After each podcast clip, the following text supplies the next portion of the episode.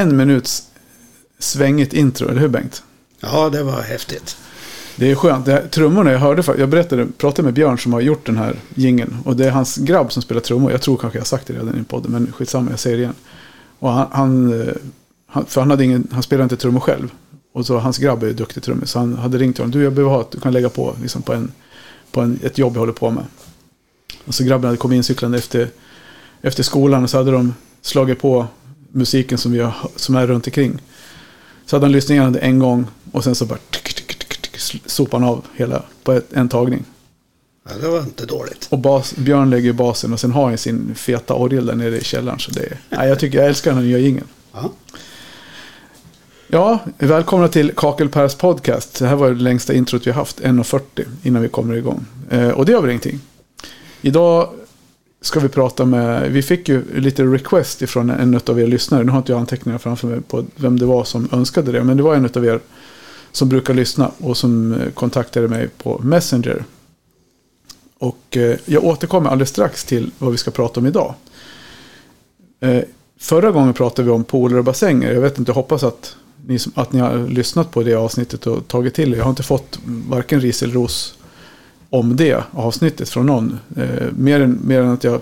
Alltså jag kanske släppte ut någonting som inte, det kanske inte var något ljud. Jag vet inte.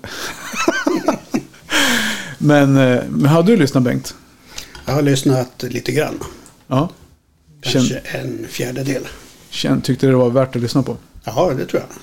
Jag ska ta upp den igen vid tillfälle. Ja, det gör du rätt i. Man ska aldrig lyssna på en fjärdedel. Nej. Det är för lite.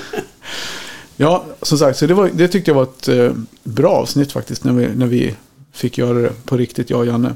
Vi har ju haft lite tekniska strul här under senaste halvåret. Där vi inte får problem med minneskortet. Det, jag tror jag har fått demens. Mitt mitt minneskort har fått Alzheimer. Den glömmer, den tappar inspelningar. Vilket är jävligt irriterande.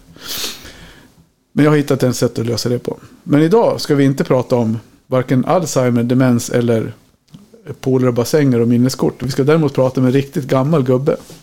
Eller hur? Jo, tack det. jag vill bara säga Bengt, Bengt Widman, pappa Platta. Eh, det sitter i detaljerna Ja, jag skulle säga det efteråt. Widman efteråt. Skitsamma. Ja, det är ingen som vet vem Bengt Widman är. Nej. Säger man Vidde så vet man. Då vet alla. I alla fall i Västerås är det många som vet. Ja, den där jäkeln ser de. Ja, precis. Den gubb, gubbfan. Du är välkommen till, som gäst. Ja, tack. Och expertvittne höll jag på att säga. Ja. Du berättar lite mer om dig själv. Vem du är och var du kommer. Hur, ja, men hur, ja, berätta. Vem är Bengt Widman? Ja, snart 70 år. Hållit på med plattor i 45. Ja. Men eh, började min karriär som bilmekaniker, men det var ingen hit. Nej, precis. Så fick jag chansen att komma in i någon bygg då. Ja. På dåtida Golv och Platt hette det på den tiden. 78 var det. Mm. Där började karriären med plattsättning. Ja. 78 säger du, men då, då var det... Ja, men annars då? Vad har du gått för utbildning? Du var bilmek och hur gick du som traditionell lärling då eller? Ja, jag började ju som chaufför på Golv och Platt då. Körde mm. lastbilen med, ut med material till byggen. Mm. Men sen vart jag intresserad av plattsättning. Och på den vägen vart det då som vuxenlärling. Mm. Vad var man? 20, 25 år? Ja. 26. Ja. Spännande. Så där fick man börja som lärling. Jag kan säga att jag är nog den första vuxenlärlingen som varit fullbetald på en gång. Okay. 57 kronor i timmen hade jag. I, det... I grundlön. Sen var det ackord. Ja. Ja, du ser. Det är lite skillnad mot idag. Mm. 78. Vad heter det? Ja, men eh, jag vet inte var vi ska börja riktigt. Mer än att du, ja, du, du gick där som vuxenlärling. Men 78 sa du, vad var det för typ av jobb ni gjorde då? Det var ju både privatjobb och nybyggen. Ja. Renoveringar. Ja, golv och platt. Ja, ja. Västerås golv och platt. Och det var golv, var det mattläggningsföretag också eller? Eh, vi hade mattläggare också ja. Mm. Och det är väl ett av de äldsta. Finns det kvar eller hur var det? Gick de i konkurs och det blev golv och tak som startade om eller hur fan? Eh, vi gick ju ihop med Golv och tak från Hallstahammar Aha. Och eh, startade upp det här idérum Ja. som ligger på Stenby här Som uppe. låg på Stenby. Ja, men för det var ju någon, var det inte någon konkurs med golv och tak? Det var konkurs både golv och platt Golv och och platt. golv Och och idé. tak där. Och idérum. Ja. Och sen blev det ett nytt golv och, AB Golv och tak. ja, och golv och platt gick ju i graven. Ja. Ja, Så det berodde ju mycket på den här aktiebolag Friherren från Göteborg. Aha, Magnus Åkerblom. okej. Som lovar guld och gröna skogar. Ja, Miljonpengar i startbidrag för idérum och ja. entreprenaden och så vidare. Men han kom ju inte ens på styrelsemötena så det gick åt helsike. Det gick åt pipan. Men du, om vi tittar då tillbaka, för det som önskemålet var om den här, liksom, det här avsnittet som jag tänker ska försöka göra flera Mm. sekvenser av. Det är ju det här med hur platssättningen genom olika tidsepoker låter ju stort. Men det blir ju nästan så om vi tar det genom, som du har jobbat i, i 45 år.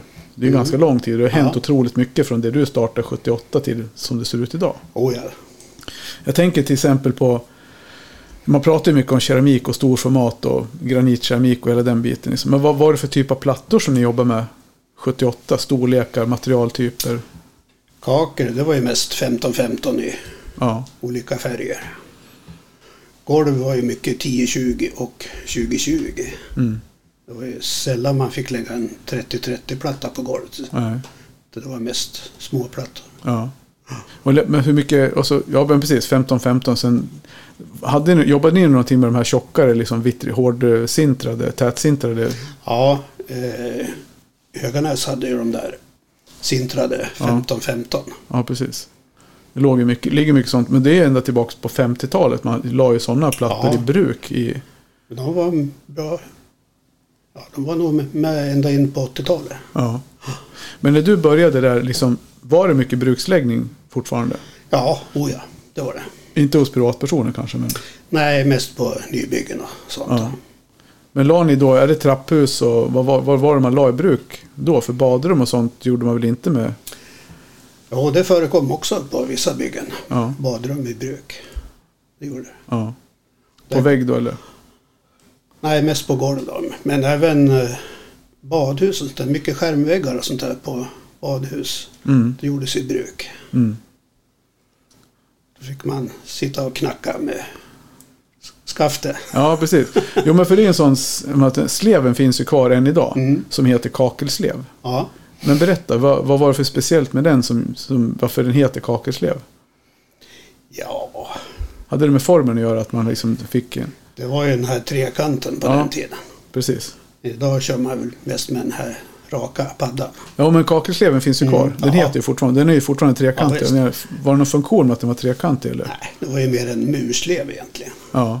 Man hade när man murade. Men det var ju det här handtaget att det var lite längre. Och att du fick, när du skulle lägga den här högen med bruk. Berätta, hur gjorde man när man satte kakel i bruk? Eller hur Ja. gör man? Hur man gör. det har jag nästan glömt. Ja, det är helt okej. Ja, men man hade ju en ganska stadig brukmassa i baljan. Ja, Och så hade man ju en formad vägg. Den kunde vara putsad, den kunde vara gjuten. ja, Sen la man på bruk på plattan. Mm. Och, och så pudrade man med lite torrcement. Jaha, Så okej. knackade man dit den. Ja. ja, för det var någonting med knackningarna har jag Ja. för mig jag lärt mig. Då skulle det vara slammat på fästväggen för, före då. Ah, Så det vart bra vidhäftning. Så man slammar med någon typ av cementslammar då? Eller ungefär Ja, som det man gör när precis. man lägger bruksgolv? Ja, man tog kvasten och slammade på väggen före. Mm. Så det var blött i blött kan man säga. Ja, men hur många gånger fick man knacka på plattan där innan? Ja, Det var ju någonting med det där. Vet du, någon gubbe sa till mig att man fick inte knacka mer än tre, fyra gånger för då kunde Ja. släppa. nej det tror jag inte men ja, man knackade kanske ett par tre gånger. Ja, Beror på hur skicklig man var. ja. Sen satte man ju träkilar emellan. Mm. Gjorde man det före eller efter man knackade dit, efter man knackade dit den? Och på nästa skifta satte man kilar. Ja. Och så ställer du plattan på den. Ja. Så knackade man in kilarna eller drog ut. Och bruket blandar ni själva i? Blandar tombolablandare eller någon bruks... Ja, en tvångsblandare eller en bruks sån Ja. där tombola. Det var vanligt. Var det finsand eller vad var det? Sättsand eller vad har, man för? Ja, det var väl 04 sand och cement bara. Ja, alltså typ sån här leksand. Ja, Ja. och sen cement. Ja, Det var inget, ja, må han vila i frid, Suddenbruk. nej, nej. Så det, så det dammar eller? Det kommer jag aldrig glömma. Jag var ju med på högskolan och la golven. De, de omtalade, de beryktade golven på högskolan i Västerås. Ja, ja. Där halva skolan som jag var med och blandade bruk till och la, var med och la, fick läggas om först. Ja, men det berodde ju på konstruktionen under. Ja, både och. Ja, ja precis. Man la ju frigolit som isolering, stegljud. Ja. Stepisol. Det funkar ju inte. Nej, det var någon, det var någon kombination med, med för jag vet att vissa golv låg ju, höll ju. Ja, visst. Men de golven, nu är det inte för att jag var med, jag var ju lärling så jag gjorde bara som jag blev tillsagd. Du vet ju själv, jag jobbar med Stig Sundell. Ja, Du fick mig bara en hurring om att det gjorde som han sa. jajamän. Det är bara att åka ut, töm i containern. De stoppar ju mig några gubbar. Eh, Så bara, du grabben, det där bruket ska du nog åka ut och vattna upp lite grann. Jag bara, nej det här ska, Stig säger att det ska vara så här. Det var så jävla torrt. Men det är väl preskriberat nu va? Ja, vila i frid Stig. Ja, han var rolig på sitt Ja. vis. Han rökte, vad heter de här, Bellman cigariller. Mm. Och sen hade han alltid någonting gott att dricka som han gömde i någon verktygsstuv. Ja, och så Fisherman's friend på eftermiddagen så att det Ja, luktar. jag kände ing- jag märkte ingenting. Jag jobbade med honom i ett år. Ja. Jag märkte inte en gång att han var onykter. Nej, nej. Det syntes jag. Inte. Nej. Inte en chans. Så var det någon fredag eftermiddag, då fick han tag i någon kvast och dansade lite grann med den. Tog han kvasten så här. Kom lilla vän ska vi segla. Ut på golvet du och jag. Jävlar namn. Då var han, då var han i gasen. Ja, för fan. Ja, det var bruksläggning. Nej, men då var ju problemet där var ju att det var för torrt bruk. Eh, Man skulle ju ha jordfuktat bruk liksom. Var det samma med sättbruket? Ja, man skulle kunna krama en boll med det. Ja. Så det var typ av samma, det är samma teknik och tänk som när man lägger golv i bruk. Ja, Fast det är lite olika sand. Lite grövre sand på golven va? ja. Men på golv då hade vi ofta lite torrare bruk. Ja. För då vattnade vi efteråt. Va? Mm. Ja, precis. Men så ni la mycket, då, ja precis, så du har lagt mycket bruk? Ja, det har nog blivit några tusen kvadrat. Ja. Usch ja, Om man jämför, ja men precis, usch jag säger det, det var tungt jobb eller? det var ett tungt jobb. Ja. Ja. Vad var det som var jobbigast? Var det liksom själva hanteringen med bruket och ligga och dra på banor? Och, ja, dels det och sen ligga och knacka platta för platta. Då. ja. Men hade inte ni så här regler med gummiklubbar man knackar ner efter? Man slog, Ja, man tog en, man la ut ett 120 drag i taget. Mm. Och så en regel att knacka ner. Mm. Jag hade limmat fast en kort pass på en regel. Ja. Gick efter den. Ja. Det blir jävligt starka golv om man gör rätt. Ja, visst. Sen hade vi en klappa. Ja. En stor eh, plyfaskiva med handtag på. Klapperband. Ja, det var väl kanske 40 gånger 40 som man klappade ner med. Precis. Jodå. Det var, ja, vi, som sagt, vi la, jag vet inte hur många tusen kvadrat det var där på högskolan, men det var en jävla massa kvadrat. Ja, det var det. Så, men det var du med och la golven där? Nej, ni var med och gjorde om dem sen va? Eh, vi var med och gjorde om dem. När jag jobbade åt Bergströms. Mm. Ja. Vi kan vårt kakel utan till.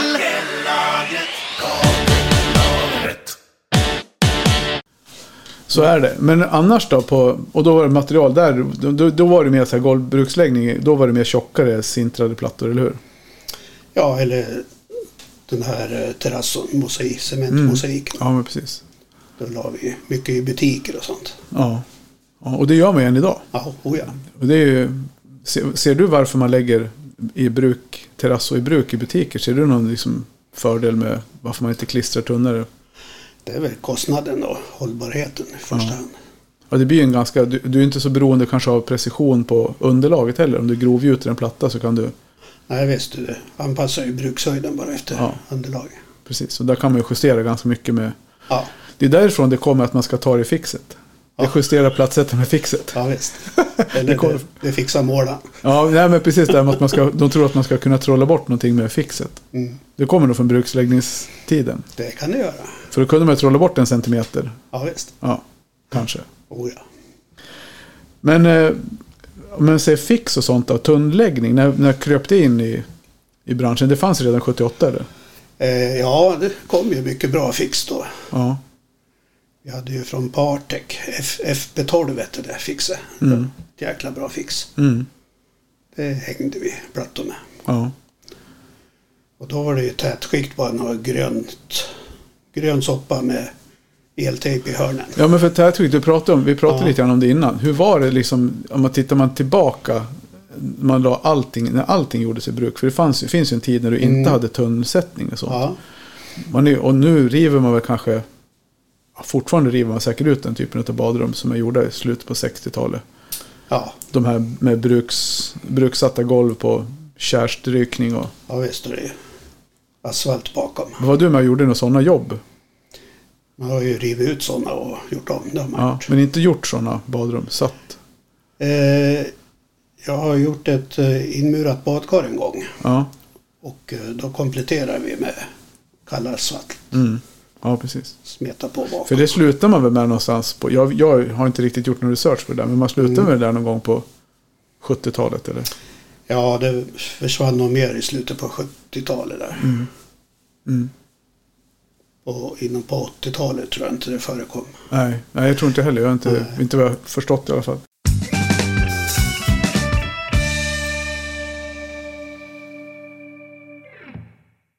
Men om man tänker sig, ja men pulver, då satte ni liksom lite enklare fix. För man behövde inte ha så avancerade fästmassor då när det var typ 15-15 och 10-20 plattor. Då. Nej, det funkar ju bra med det, det som fanns då. Ja. Och, och underlag som ni platssatte på, var det mest puts och betong eller var det lika mycket träskivor som det är idag? Det var puts och betong och gips. Ja. kom ju mycket gipsskivor. ja, och det har ju levt kvar. Det är ju, Ja. det är ju fortfarande det som är det vanligaste underlaget tror jag. Ja, när man sätter plattor idag. Man tänker på alltså när man jämnar av golv och så där i slutet på 70 då. Hur, eh, vad gjorde ni för att jämna till golven innan ni skulle sätta tätskikt och det? Eh, Det kom ju ett flytspackel i början Ja, på 80-talet där. Jag vet inte om det fanns med redan på 78 där men nej. 79-80 kanske kom det ett flytspackel. Mm. BPA tog fram en som lite rödbrun i färgen vart den Mm. när det torkade. ja men precis. Men var det inte där någonstans man hade problem med att man hade några jävla benmjöl i spacklet? Ja, det var, fanns något som hette kasin Kasein ja. ja. och eh, det vart ju mögelhärd. ja. Och när du stängde in fukt i det. Ja, visst. Det var det som var problemet. Ja. Där, det försvann ganska fort. Men sen kom det ju mycket nya produkter med flytspackel och sånt. Mm. Det funkar riktigt bra. Ja. Och för jag vet ju, vad heter, eh, det är någon, något, någon produkt som Apei har. Eh, Konplan. Det hette KF tror jag tidigare. Ja, Då stod KF för kasinfritt. ja, När jag jobbade på Mapei. ja. För det var fortfarande en sak man gjorde reklam för. För Mm. att det, liksom, det var ju sån jävla skandal det där med kasinet. Ja, visst. Att det blev så jävla, det ruttnade på något vis. Ja, Ja, I och med att det var ben, någon form av organiskt material i. ja, visst. Det var väl ett hundratal villor ute på Östergryta man fick göra om. Ja, ja, det är bara i Västerås då. Men så tar man hela Ja. Sverige så var det en ganska stor, Mm. stor grej. Ja, visst. Ja. Men tätskikt och så då, det har ju också, tittar man på hur flytspacklen har ut, utvecklats mot idag. Jag menar, tycker du, Mm. är, det någon större, är det någon skillnad på hur som spacklen är idag mot hur de var då? Eller är de ungefär likvärdiga, liksom att det funkar? Principen är ju densamma där, men materialet är ju mycket bättre idag. Ja. Vad tycker du är största skillnaden? Har, har du något att sätta fingret på? Torktiderna framförallt. Ja. Att det är jämnare? Eller att det är Ja, torr? det torkar fort. Okej, ja. Förut en flytspackling på början på 80, det var ju tre fyra dagar Ja. innan det ens var gångbart. Okej. Ja, du ser. Men om man ville gå in och gå fortare på golvet, vad gjorde ni då? Det gick inte eller? Nej, det gick inte. Men har du varit med och, gjorde man mycket så att man göt golv också på den tiden? Alltså, Ja, man gjorde ju slipsats och drog av med bräda då. mm. Det var vanligt. Ja, för jag vet ju när jag började som plattsättare. Vi träffades ju på, på just som du sa, Bergströms plattsättning som Mm. du var på där. Det var där vi träffades. Jobbade du där när jag började? Visst var det så? 90, jag började 96 tror jag. Ja, då hade jag nog börjat. Ja. Men var du arbetsledare? Nej, du var ute och satte plattor då. Ja, jag var plattsättare först. För vi jobbade ihop då på, vi bland annat i, i Rotebro på något bygge. Ja, ja. Och där var pappa platta med hela...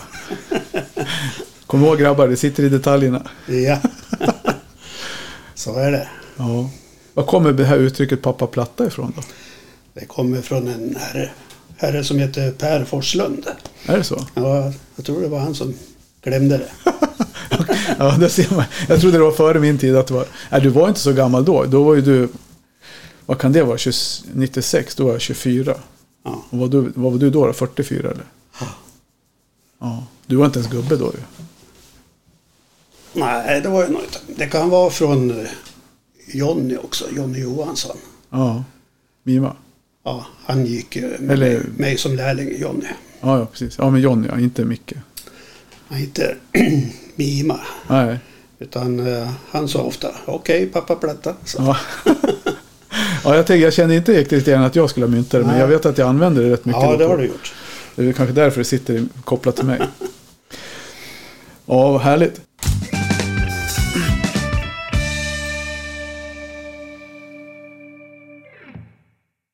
Använde ni verktyg eller körde ni bara med händerna på den tiden?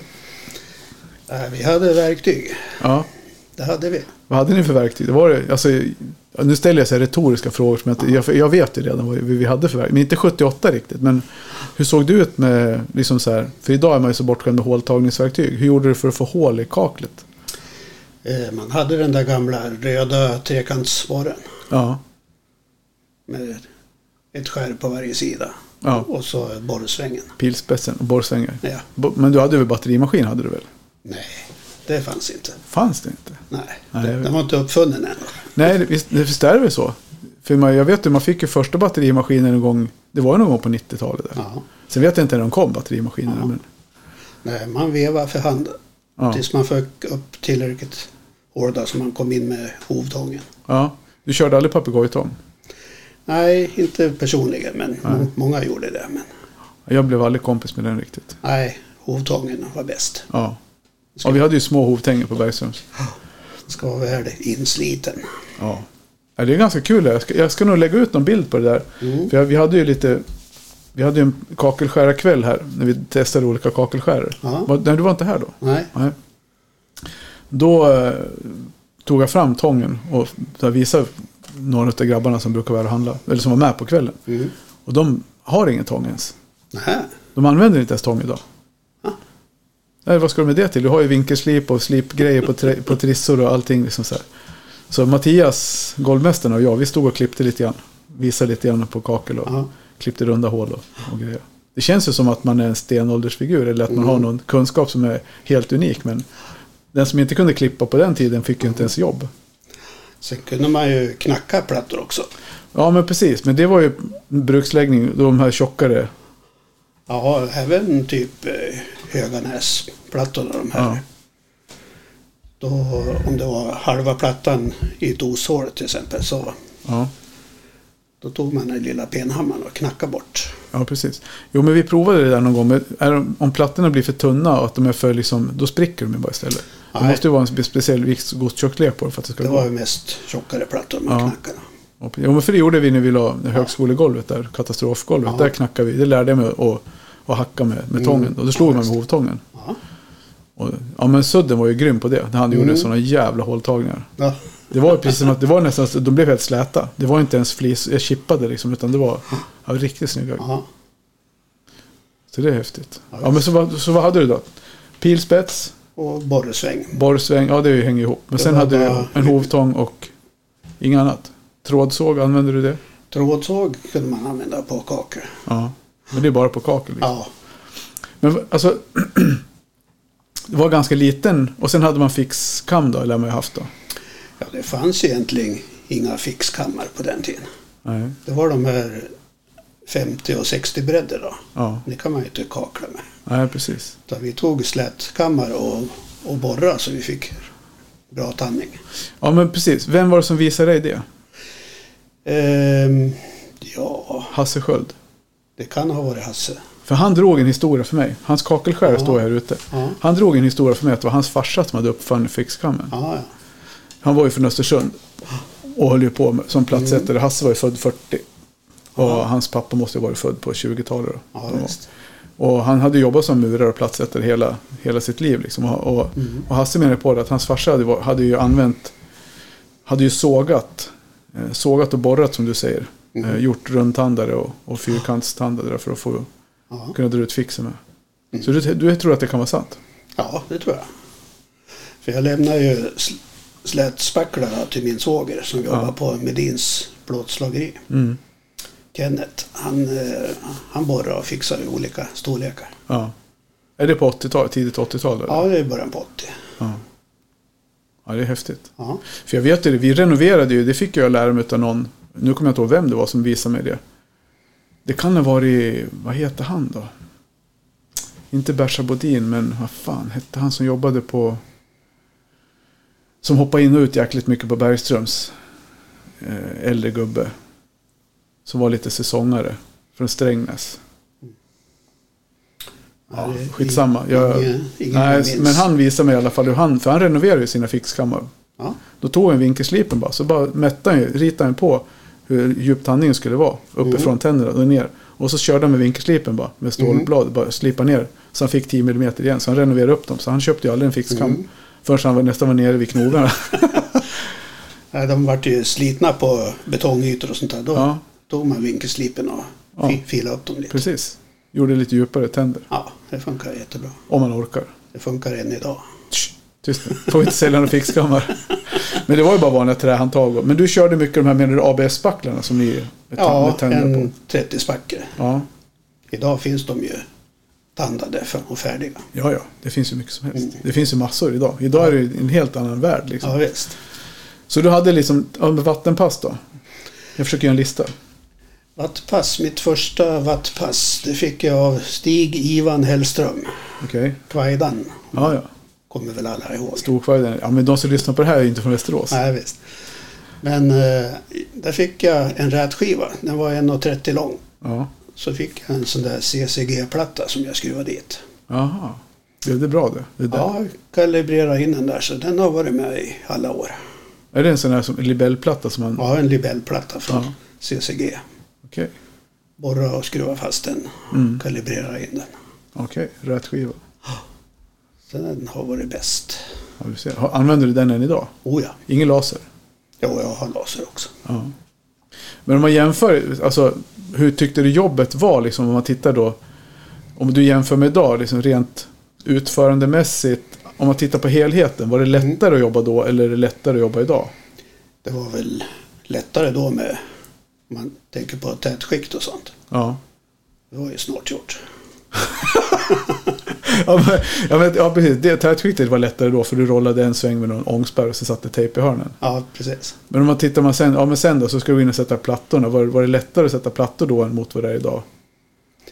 Det vill jag säga för det, är, det var mycket rakare väggar förr. Ja.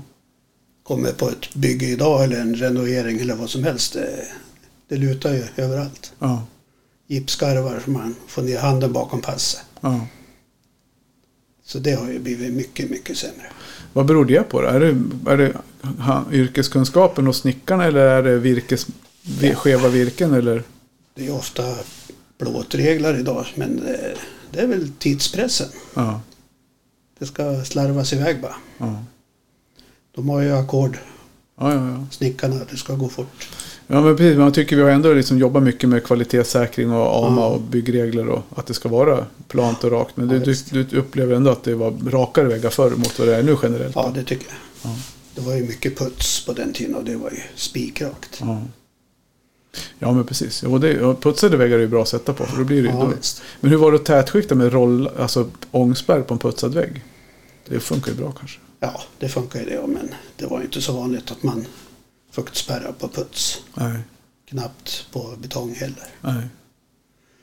Var det matta så tejpar man över mattkanten bara Ja. och rullar på lite. Vad fan heter det som bygge som vi bytte plattor på i flera år efter, årtionden efteråt? Stockrosgatan va? Stockrosen ja. När det var betongkrympning. Var, var inte där Benny, om han lyssnar på det här, Rosenberg. Var inte Mm. där de stod och satte plattor med avfuktarna på för att betongen skulle torka ut samtidigt som de satte plattor? I princip så var det väl så. Det var ju fan kaos. Ja. Man gick in där och kollade och så buktade hela väggen ut. Så, Ja, ja absolut. Betong, där har man gjort Mm. många plattbyten. så stängde man dörren lite hårt bara. Så Ja. hörde man hur det skramlade där inne. Kvadraterna bara åkte ner. Och det är rivet och klart. Ja. Ja, men som sagt, du tyckte själva plattsättningen för att det var rakare väggar. Men sen materialet, kakelmaterialen, då, var de bättre då eller? Ja, det var ju tunna 15-15 och Ja. smidigt att jobba med. Mm. Man hade alla mått i skallen. Ja, 10-20 på golv. Ja, 20-20 som störst kanske. ja. Det var ju det. Det gick fort. Var det så eh, på piratsidan med? Ja, det var ganska mycket så på piratbadrummen också va? Ja, det var det. Det var väl mest plastmattor faktiskt på den tiden. Ja. Kom ju lite mer och mer på slutet på 80. Mm. Vart det nog mer klinkergolv. Mm. Ja, För då kom det här med golvvärmen in. ja okej. Då ville man ha klinker istället. Mm. Ja, du ser. Vad heter det? Det är ju fredag idag. Mm. Och vi ska ju... Ska du med bowla imorgon förresten? Nej, jag, vi ska ut och campa. Ja, du fick inte. Jo då, då fick jag men Jag försökte pitcha det. hon är ledig på måndag så vi ska ut och fiska lite. Skönt. Ja, men som sagt, jag har ju tagit fram en liten fuskare här så jag tänkte vi skulle symbolisera att det, att det är fredag och ta en liten en öl. Och för er som lyssnar nu så är det ju det är en Mariestad, en alkoholfri så att det är ingen, ingen fara. Vill du ha lite? Ja.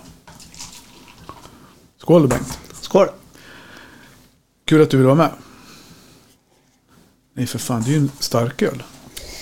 Fan, skojar du? Ja. Var, var går bussen? Ja, vi måste skåla in fredagen.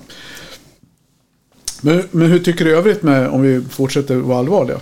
Eh, och det är skillnaden idag är att det är mycket tyngre plattor, mycket större plattor. Och mycket, alltså är det inte så? Att det är, lite, att det är en ganska stor skillnad liksom på hur tungt jobbet är.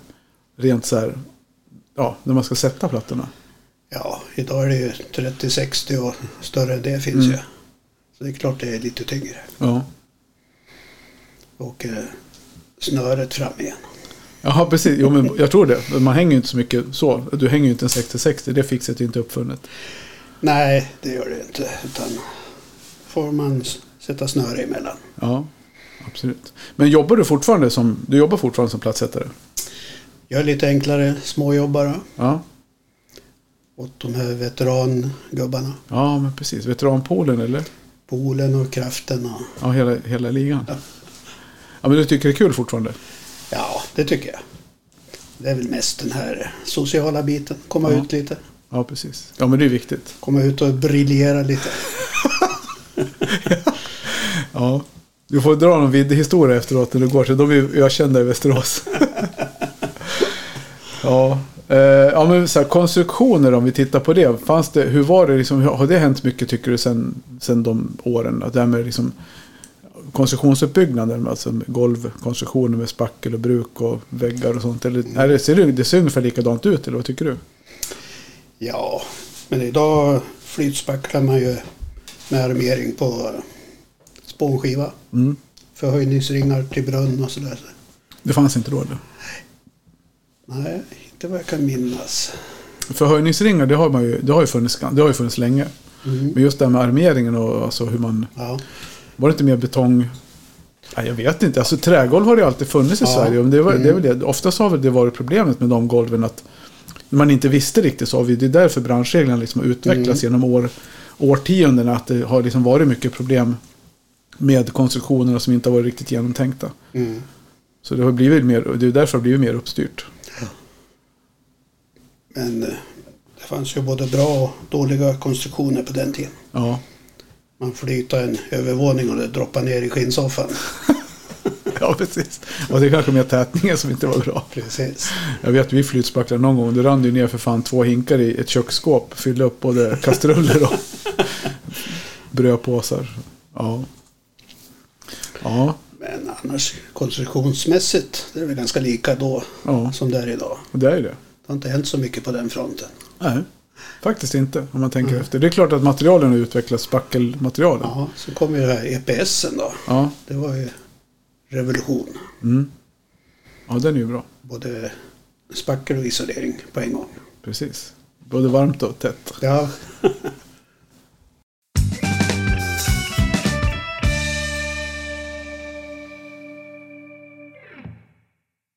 Ja, vi har, har ju touchat verktygen. Fan, det var inte en alkohol, för jag känner det nu. Jag druckit halva. Vad fan. Kan inte säga att man sitter... Tänk om min chef skulle höra det här. att jag sitter och dricker starköl i direktsändning. Du menar Tarja? Ja, just det. Hon lyssnar alltid på någon av mina poddar. Jag kan säga vad jag vill i dem. Din chef då? Ja, Det är campingförrättaren. det är inga problem.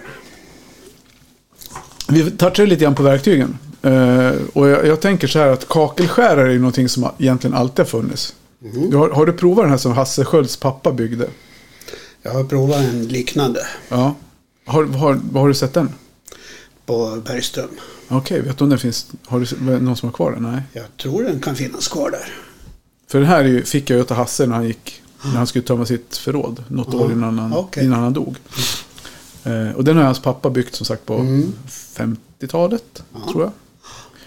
Eh, och den är ju, man, man vevar ju fram underlaget. Mm. Jag, ska, jag kan visa en video sen på hur den funkar. Eh, men, men alltså där, hur tycker du det har liksom, eller hur tycker du, men det har ju hänt otroligt mycket. Eller vad säger du om just kakelskärarfronten? ja, det har det hänt. Framförallt eh, storleksmässigt. Ja. Min första kakelskärare, det var en liten Ruby. Mm. Fick knappt in en 2020. Var det de här TS30, de här med två gejdrar och sen en spak fram som man knäckte? Ja, det fanns ju med knäckspaken. Men jag hade en med klyka på sidan. Man satte i Ja, och bröt bort biten. jaha okej. Den var snabbast. Okej. ja men det är klart, om det inte var så stora plattor som man satte med, då behövde man inte ha så stor skärare heller. Nej, den funkar bäst på 15-15 och Ja. 20. Ja, precis. Ja, det finns ju idag med mindre skärare som funkar på alla möjliga småplattor också. Ja, visst. Men sen, sen, kom ju Sigman då. Det var ju en, det är en bra skärare. Man Mm. kan skära och knäcka i samma moment. mm. Så den var ju riktigt bra. Men jag tänker på det här med, ja, sen har ju kakelskärarna utvecklats otroligt mycket i förhållande Mm. till att plattstorlekarna blir större och och hårdare och man måste kunna knäcka på. Och Ja, sådär. Så det har ju hänt otroligt mycket. Har det verkligen gjort. Men man ska, med håltagningar då tänker jag. Alltså, för det var så vi pratade om pilspetsen och, Mm. och de här. Det fanns ju små pilspetsar också som man kunde borra med som var för, för vattenrör. Man hade ju några olika sådana. Mm. Men det gick ju bara i kakel. Sen när man kom i, när det blev hårdare plattor då satt man lite grann på pottan. Då blev det vinkelslip mycket man fick använda. Ja. Och sen tång. Ofta var det att man delade platta och så gjorde hål. Ja, och gubbskärningar. Men det fick Ja. man inte göra. Nej, inte Fick inte vi, unga, unga grabbar fick inte göra det. Då kom med andra och sa att vad fan har du gjort för jävla gubbskärning? Ja, visst. Nej men du, gubbskärning, är inte det när man skär ihop över fönstret? Nej, det är ganska vanligt idag. Hel platta på varsin sida om fönstret och så. Ja, det var vanligare förr. För jag tror inte, för, det stod det så i byggkemikhandboken att man skulle göra så. Mm. Man skulle sträva, men det var ju utifrån att man hade glaserade kanter och Ja, ja. nu har man ju så mycket lister och sånt där. Men Men eh, oftast, ja, jag gör ju oftast eh, skär ihop över dörr eller fönster. ja, än idag. Två lika stora bitar. Ja, då måste ju det vara det som är gubbskärning. Nej, tycker jag inte. Jag vet att man gjorde mycket så förr. Ja. Så faktiskt. Jag har gjort så själv många gånger när man höll på. För att det blev snyggt och centrerat. Alltså få hela plattor runt dörrarna. Centrerat runt fönstret. Mm. Ja, precis. Tycker jag är snyggast. Det får ju inte bli några små bitar ovanför. Nej. Då är det ju inte snyggt. Nej, det är det ju inte. Men sen får väl folk tycka vad de vill om det är snyggt eller inte. Mm. Så är det. Men just med håltagningar, vi pratade om det lite grann Mm. när vi här för någon minut sedan. Just det här med att om man klippte och grejer och sen kom ju de här, jag vet inte, jag vet inte att diamantverktygen kom så länge jag höll på. Nu är det länge sedan jag slutade, Mm. men, men alltså det måste ju revolution, det har ju revolutionerat håltagnings... Ja, då är vi in- inne på 90-talet där. Ja, det är 2000. Ja. Så jag slutade ju 2004. Mm. Och då vet fan om det hade kommit så mycket diamant, sådana till vinkelsliparna. Mm. Så de har ju varit otroligt... För jag vet ju när vi gjorde hål, eh, när jag, som jag lärde mig när jag jobbade som plattsättare, vi gjorde ju... Man såg ju från baksidan. Mm. Man ritade ju på på båda sidorna, så såg man från baksidan Ja, som en liten stjärna och sen så vände man på och knackade med tången och så klippte man från, ja. från framsidan. Mm. Gjorde man ju. det gjorde man. Det tog en jäkla tid. Man hade ju, det var ju en stor vinkelslip med, ja, Ja, ja men lite olika. kan det vara 160 klinga. Mm. Ja, men lite olika var man jobbar någonstans och vad man hade för typ. Men just att man sågade från baksidan och gjorde. Mm. Det tog ju ganska lång tid och man stod alltid ute. och Det, det, fan vad det skramlade och damma och. Det damma. I och för sig, det dammar ju med diamantborrarna med. Men då gör det ju ett hål liksom i samma. Ja, visst. Så det är ju ganska smidigt. Ja, det är ju bra grejer som har kommit nu med dosfräsare i olika storlekar. Ja. Till alla rördimensioner som finns. Det kanske är fler rörgenomföringar. Nej, fan. Vet, när jag började som plattsättare, jag prat- pratade med Ragge om det där. Ja, Var du nere på Östermälarstrand och satte några badrum där? De här stora jävla badrummen som var 96, 97 där. det, Det var ju 24 håltagningar i ett sånt. det kan ha Badrum. hänt. Ja. Ja, alltså jag får nog ta tillbaka det, att det, mer, att det är mer håltagningar nu. det var jävligt mycket håltagningar där. Ja, Ja, det- Ja, du ser. Jag vet inte om vi kommer så mycket längre. nej, det är en revolutionerande bransch. Ja, kommer grejer hela tiden tycker jag. ja. Det gör ju det. Såg senast här idag, han KGC var här, Ja, precis. en dubbelturboblandare. Ja, just det. Det måste de ha snott från Volvo Penta sa jag åt honom. Sån där duoprop-propeller till båtar. Dubbelpropeller. Men du får dra någon, någon eh, videohistoria då. Viddehistoria. Du har ju någon där med, med lampan, med belysning. Ja, ja, vi var på något bygge och gick in i ett rum och så. Det var ju kolsvart. Oj, oj, oj. Här, här var det mörkt. Här har det inte varit tänt på länge. Ja, den är död. Oj, ja den är, den är rolig. Ja, men du Bengt. Jag får tacka dig så hemskt mycket för att du ställde upp. Ja, tack för att jag fick komma. Och är det så att ni som lyssnar har några frågor som vi, vi tappade bort på tråden på vägen här så får ni höra av er så tar vi upp dem. Ja, Bengt han är ju här lite titt som tätt så får vi återknyta. Men, eh, ja, men tack så länge. Ja, ring mig sen. Ring dig sen. Kakellagret, vi kan vara kakel när du vill.